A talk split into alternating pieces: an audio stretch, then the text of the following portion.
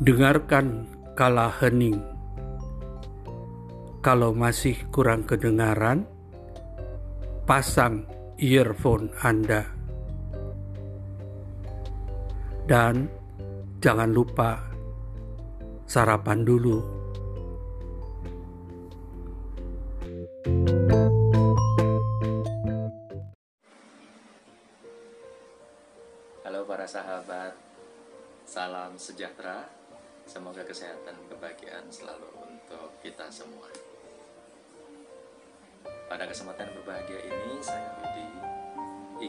Sedikit berbagi tentang bagaimana keheningan kadang bisa menjadi sebuah jawaban.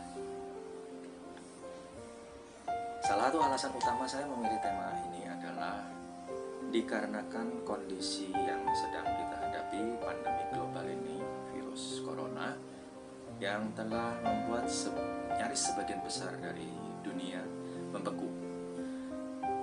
Banyak dari kita yang sudah berjuang mati-matian dan juga penuh semangat yang biasa ternyata tidak mampu menghadapi keterpurukan dan beberapa di antaranya justru sampai nyaris tidak berdaya menghadapi badai besar yang luar biasa ini. Namun demikian, tidak sedikit di antara kita yang akhirnya pada masa-masa pandemi seperti ini kemudian menemukan solusi, kemudian menemukan insight baru, kemudian menemukan visi baru dan juga cara-cara pendekatan yang baru yang salah satunya adalah dalam bentuk keheningan. Hening sendiri bukan berarti bahwa kita kemudian total diam atau kemudian sesuai konotasinya yaitu kepasifan. Hening itu butuh proses. Untuk sampai titik hening tertentu kita juga tetap butuh effort sehingga kita benar-benar sungguh hening sekedar berusaha. Lalu hening seperti apa sih yang bisa membantu kita untuk menemukan atau memperoleh jawaban dari seluruh permasalahan kita di masa-masa istimewa seperti ini? Boleh coba kita simak satu persatu beberapa ilustrasi kisah yang mungkin bisa menginspirasi kita bagaimana kadang-kadang hening tidak selamanya sebuah penyerahan sementara berjuang keras belum tentu berarti adalah sebuah keaktifan salah satu kisah favorit saya adalah seorang biarawan, seorang Zen Master yang hidup pada 6, tahun 1686 sampai tahun 1789. Beliau bernama Rahib Hakuin Ekaku. Inspirasi beliau yang sangat luar biasa adalah kekuatan pemahamannya yang begitu menggentarkan hati. Di mana pada saat itu beliau yang kebetulan salah satu tokoh, salah satu pertapa, guru, dan master yang begitu sangat dihormati dan dikagumi karena keteladanan dan inspirasinya tiba-tiba harus menghadapi masalah yang cukup pelik berkaitan dengan nama baik dan juga harga dirinya sebagai seorang pertapa. Dikisahkan seorang perempuan muda yang kebetulan hamil di luar nikah dan kebetulan ditinggal oleh kekasihnya. Saat orang tuanya menuntut tanggung jawab daripada putrinya, sang putri malah menimpakan kesalahannya kepada sang rahib dan mengatakan bahwa yang menghamilnya adalah master zen tersebut. Dan hebatnya adalah sang master tidak menyangkal, tidak melakukan klarifikasi ataupun apa pun yang dilakukan untuk membersihkan nama baiknya. Beliau justru langsung menerima bayi itu begitu saja sambil berkata, "Oh, begitu, baiklah." Tentu saja serta-merta seluruh warga kemudian memandang sinis dengan pandangan tajam kepada tidak selaras antara ucapan dan perilaku. Bahkan tidak sedikit yang merendahkan, mengejek, bahkan menghina, juga menghakimi dengan memberikan julukan baru kepada beliau pertapa dengan dua muka. Namun hebatnya beliau sama sekali tidak bergeming. Beliau justru menikmati proses dan hari-hari barunya menjaga bayi tersebut yang tentu saja sebenarnya bukan tanggung jawabnya. Tentu saja karena kejadian ini dan karena peristiwa ini, beliau akhirnya tidak memperoleh dana makanan daripada seluruh masyarakat di situ dan untuk menghidupi bayi tersebut pada akhirnya sang master harus menjual sebagian besar inventaris biara, inventaris biara untuk menjaga kesehatan sang bayi. Sementara beliau sendiri tubuhnya semakin kurus hari dari hari ke hari dan sang bayi semakin gemuk sehat dan lucu. Dan sekali lagi, meskipun beliau secara fisik tubuh jasmani terlihat menderita, namun terlihat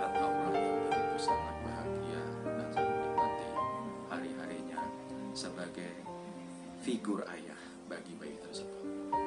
Hingga pada akhirnya ibu bayi tersebut beserta kakek dan neneknya kemudian merasa malu dengan kebohongan yang mereka perbuat dan juga tindakan menzalimi daripada sang master.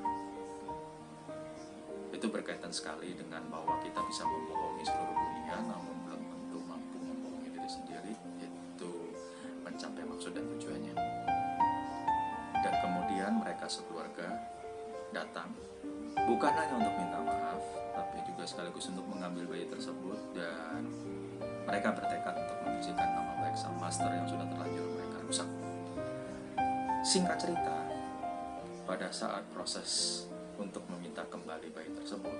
Apalagi bayi tersebut sudah umur 2 tahun, sehat, montok lucu dan juga menggemaskan. Mereka sekeluarga bertanya kepada sang master, mengapa sang master memilih untuk menerima begitu saja, tidak melakukan klarifikasi apalagi penyangkalan, dan malah mengorbankan kebahagiaan kesejahteraan dirinya untuk kesehatan sang bayi. Rahib Hakuin Ekaku dengan tenang dan lembut menjawab. Saat ibu daripada gadis muda tadi bertanya, bukankah nama baik itu penting utamanya bagi seorang guru yang sangat dihormati dan dikagumi seperti beliau? Mengapa beliau kelihatannya tidak terlalu bermasalah dengan perihal nama baik tersebut? Rahib Hakim Nekaku menjawab, Ibu, nama baik itu memang penting, utamanya bagi seorang rahib seperti kami, seperti yang ibu telah bilang tadi. Namun demikian, memperoleh kesempatan baik untuk bisa menjaga dan merawat bayi itu sekaligus melindungi dan menjaga keselamatan dan nama baik daripada orang tua bayi ini itu juga merupakan sebuah berkah. Lagi pula ibu, kalau dari awal penduduk desa sudah percaya sama saya, maka saya diam pun mereka tetap pasti akan percaya. Sementara kalau banyak dari awal mereka sudah tidak percaya kepada saya, mau berbicara sebanyak apa pun, sehati-hati apa pun, sebaik apa pun, sebanyak apa pun, tetap saja mereka tidak pernah akan bisa percaya.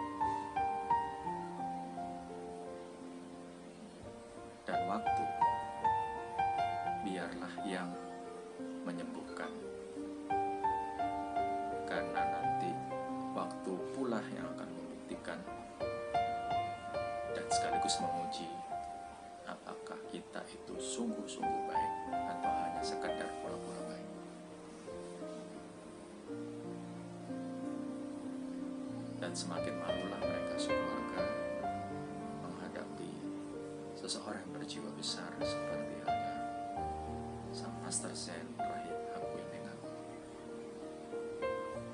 Sahabat yang berbahagia, semoga teladan nyata dari Hakuin Nengaku tadi bisa memberikan insight baru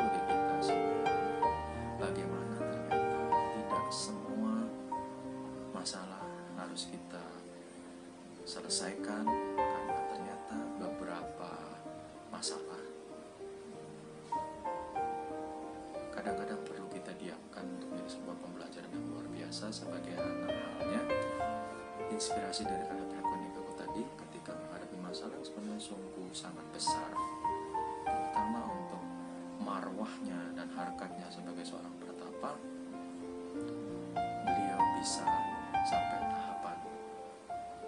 bisa berbesar hati dan mengambil maknanya bukan itu sebagai sebuah musibah tapi sebagai berkah.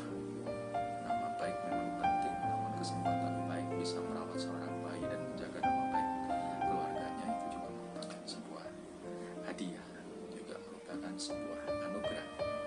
Demikian pula virus atau kondisi pandemik saat ini sama halnya dengan kondisi fitnah tadi kadang-kadang tidak perlu kita berjuang begitu keras menghadapinya sementara ketika kita diam ini kita bisa punya lebih banyak waktu untuk keluarga.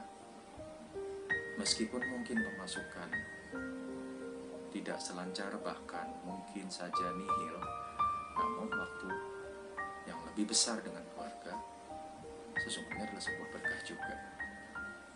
Demikian pula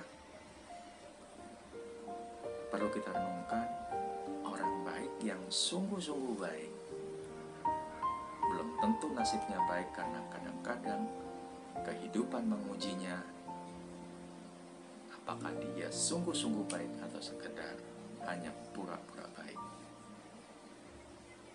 dan itu adalah kisah pembuka untuk tema diskusi kita hari ini bagaimana keheningan adalah kadang-kadang bisa menjadi sebuah jawaban. Kisah berikutnya yang ingin saya bagikan adalah dari seorang pemuda seniman bela diri terkemuka dunia yang sampai hari ini menjadi ikon dari bela diri. Beliau dikenal dengan nama Bruce Lee. Perjuangan Bruce Lee juga tidak kalah menariknya daripada sang rahib Master Zen Hakuinikaku tadi karena beliau pada masanya ketika sedang berjuang sangat dicintainya untuk mendapatkan perhatian yang lebih luas dalam bentuk karya sinematik harus menghadapi masalah diskriminasi dan juga rasialisme. Serial Green Hornet yang beliau bintangi sebagai pemeran Kato ternyata harus dihentikan hanya satu musim karena ternyata survei membuktikan bahwa tokoh beliau, tokoh yang beliau perankan yang hanya seorang sidekick atau partner dari jagoan utamanya ternyata justru jauh lebih populer di kalangan masyarakat Amerika saat itu. Dan itu mengkhawatirkan dari segi para produser dan kru di baliknya karena Bruce Lee bukanlah seorang Kaukasian namun seorang Asia. Tahun 65 merupakan masa-masa cukup buruk bagi seorang Lee karena selain pekerjaannya kemudian dihentikan, cita-citanya sebagai seorang artis kemudian harus terhenti sejenak, termasuk kepergian ayahnya begitu sangat dicintainya pada tahun itu sudah jatuh tertimpa tangga. Namun apa yang terjadi pada saat Bruce Lee menghadapi kondisi yang demikian berat seperti itu sementara anak dan istrinya membutuhkan dukungan ekonomi. Lee kemudian mengisi waktunya yang kebetulan tertutup seperti itu dengan menambah banyak pengetahuan, semakin belajar lebih dalam, kemudian membuka kursusnya tetap untuk bagaimanapun keluarganya membutuhkan dukungan support ekonomi. Sementara cita-citanya untuk memperkenalkan seni bela diri yang sangat begitu dicintainya itu untuk sementara ditunda dulu beliau mencas dirinya sendiri agar nanti pada saat kesempatan datang beliau sudah dalam keadaan siap. Butuh waktu kurang lebih hampir enam tahun hingga akhirnya Bruce Lee ketika pulang kampung bertemu dengan ber- bertemu dengan beberapa eksekutif produser film di sana yang kebetulan ternyata serial The Green Hornet itu sangat-sangat laris di Hong Kong dan bahkan Green Hornet diganti dengan judul diganti judulnya dengan The Keto Show karena dominannya aura daripada Bruce Lee di dalam film tersebut sebagai seorang senam, seniman bela diri yang asli dan sejati yang mampu mempraktekkan kemampuan bela diri dan bukan sekedar teknik kamera. Singkat cerita, uh, produser film yang kebetulan salah satu yang terbesar di Hong Kong ternyata sedikit meremehkan Bruce Lee karena dianggap dia belum apa-apa di Hong Kong sana sehingga menawarkan sebuah salary yang saat itu termasuk sangat tidak masuk akal untuk seorang seniman bela diri yang sangat hebat seperti dia. Sehingga akhirnya Bruce Lee melabuhkan hatinya kepada Mr. Raymond Chow perusahaan Golden Harvest yang saat itu sebenarnya sedang terbelit hutang dan nyaris tak berdaya menghadapi menuju ke arah kebangkrutan. Bruce Lee memilih karena Raymond Chow memberikan kelulusan kepada dirinya bahwa berapapun yang Bruce Lee minta, Golden Harvest akan berusaha menyanggupinya sekaligus nanti siapa tahu nanti hasil persentase dari larisnya film itu akan menjadi bagian dari Bruce Lee juga. Keikhlasan dari Raymond Chow menyentuh hati seorang Bruce Lee dan akhirnya the rest is history tahun 71 keluarlah The Big Boss yang melegenda sampai hari ini diikuti film-film selanjutnya meskipun akhirnya Lee belum sempat menikmati cita-cita tertingginya sebagai bintang film Hollywood. Karena saat film Amerika pertamanya Enter the Dragon beredar itu baru bisa beredar dua minggu sesudah dia harus pergi untuk selamanya. Namun demikian kerja kerasnya etos kerjanya effortnya luar biasa tidak menyerah bukan harus fight kemudian datang pulang keluar masuk kantor perusahaan film saat itu tapi beliau memilih untuk mencas dirinya agar siap ketika nanti kesempatan datang. Seperti halnya inspirasi dari Oprah Winfrey mengatakan kesuksesan adalah ketika kesempatan bertemu dan persiapan. Dan Bruce saat itu dengan inspirasi film Hong Kong yang luar biasa menarik produser Hollywood ditarik untuk film Hollywood pertamanya diproduksi oleh Warner Bros. Enter the Dragon dan itulah yang disebut kesuksesan kesempatan bertemu dengan persiapan dan kisah terakhir yang ingin saya bagikan adalah sebelum saya menutup diskusi kita pada hari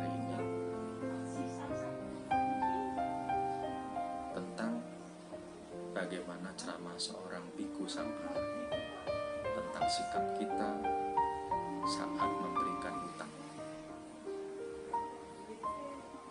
Tadi inspirasi Bruce Lee kita juga bisa lihat bahwa beliau benar-benar hening selama enam tahun itu tidak panik, mengisi dirinya sehingga ketika kesempatan datang beliau sudah siap. Nah kalau kali ini bagaimana hening adalah jawaban terindah ketika menghadapi masalah hutang piutang. Biku Sangga tersebut menyampaikan kalau kita sudah berani memberikan hutang, ada baiknya itu benar-benar dana cadangan dan sudah siap diikhlaskan. Artinya kalaupun tidak dikembalikan dan tidak dibayar kembali kepada kita, maka dari awal itu sudah harus kita lepaskan sebab sejak awal kita meminjamkan itu merupakan bagian dari praktek. Namun demikian, Sang biku sangwa tersebut mengingatkan bahwa kita tetap harus melakukan penagihan. Penagihan bukan karena untuk menuntut hak kita, karena nanti kita akan menjadi kecewa, akan sedih ketika nanti sang penghutang mungkin akan lebih galak daripada kita biasanya atau tidak mengembalikan sama sekali hak kita. Oleh karena itu dari awal sudah ditekadkan ini adalah murni untuk bantu, ini murni untuk berdana, bisa kembali, maka itu merupakan sebuah rasa syukur dan bukan merupakan sebuah target utama.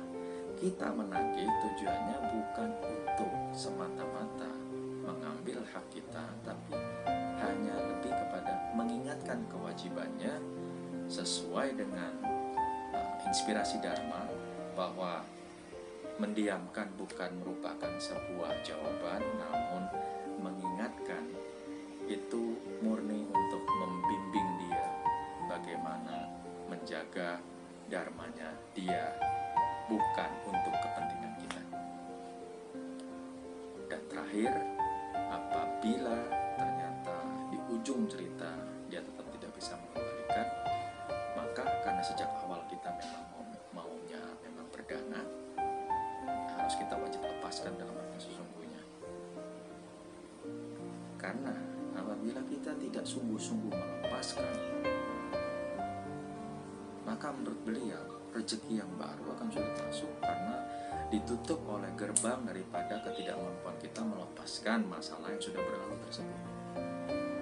Dan beliau juga mengingatkan kepada kita, jangan pernah sekali-kali untuk mendoakan semoga nanti karma yang akan membalaskan tindakannya, karena sesungguhnya itu nanti akan menutup rezeki kita sendiri juga. Sebab doa hanyalah pantulan refleksi daripada kata-kata dan ucapan kita sendiri. Dia yang kita doakan belum tentu akan terkabul sementara kita selaku pengirim dan penyampai utama malah justru akan bisa terwujud nyata sendiri yang terlebih dahulu. Oleh karena itu, alangkah baiknya doa yang disampaikan kepada yang kebetulan tidak membayarkan hutang kepada kita adalah semoga ia menyadari kekeliruannya dan semoga rezekinya juga baik karena nanti doa itu akan memantul kepada diri kita sendiri terlebih dahulu.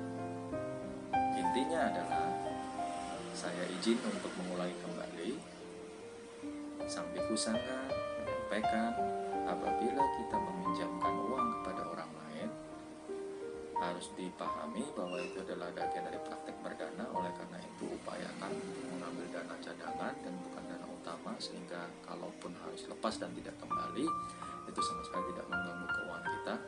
Yang kedua pada saat menagih tujuan utama kita bukan untuk menuntut hak kita tapi lebih hanya kepada inspirasi untuk membimbing dia akan praktek dharmanya bagi kepentingan dan kehidupan dia dan bukan kepentingan dan kebutuhan kita. Karena dari awal kita memang sudah sepakat, sudah bertekad untuk memang berdana dalam kegiatan tersebut. Dan terakhir, apabila kebetulan memang di ujung cerita tetap saja dia tidak mau memenuhi kewajibannya, entah sengaja maupun tidak sengaja, kita tetap harus mendoakan yang terbaik untuknya.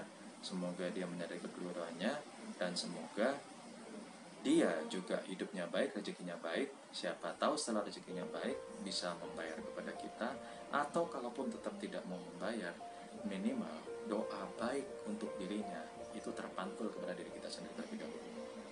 Di sinilah kalah hening adalah sebuah jawaban menemukan muaranya. Di awal cerita kita menemukan bahwa kekuatan maaf yang luar biasa ternyata mencerahkan orang lain dari kesalahannya tanpa rahim hakunya kamu sama sekali memberikan nasihat untuk mereka. Teladan nyata daripada rahim hakunya kamu ternyata justru memberikan pencerahan keheningan daripada sang master sen memberikan dharma yang luar biasa untuk keluarga daripada sang bayi. Demikian pula pada saat sang master bela diri Bruce menghadapi kesulitan yang sangat luar biasa dalam hidupnya, ternyata beliau memilih untuk tidak keluar masuk perusahaan film, menuntut pekerjaan, menuntut ketidakadilan atas diskriminasi daripada rasnya beliau saat itu, namun beliau lebih memutuskan untuk menggali lebih dalam, mempersiapkan diri beliau sehingga saat kesempatan itu tiba, beliau sudah siap secara sempurna. Dan terakhir, tidak semua katakanlah masalah seperti halnya utamanya utang piutang kita harus tuntut sedemikian rupa agar hak kita kembali namun ternyata ketika keheningan yang sungguh-sungguh hening dalam indahnya dhamma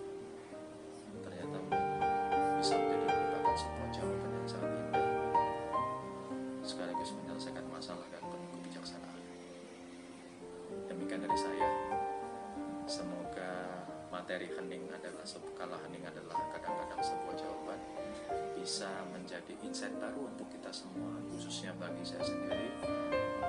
Utamanya berani membagikan juga seharusnya bisa membuktikan. Semoga bermanfaat. Semoga berbahagia. Salam sejahtera selalu. Sampai jumpa di materi-materi berikutnya sehat dan bahagia selalu untuk Anda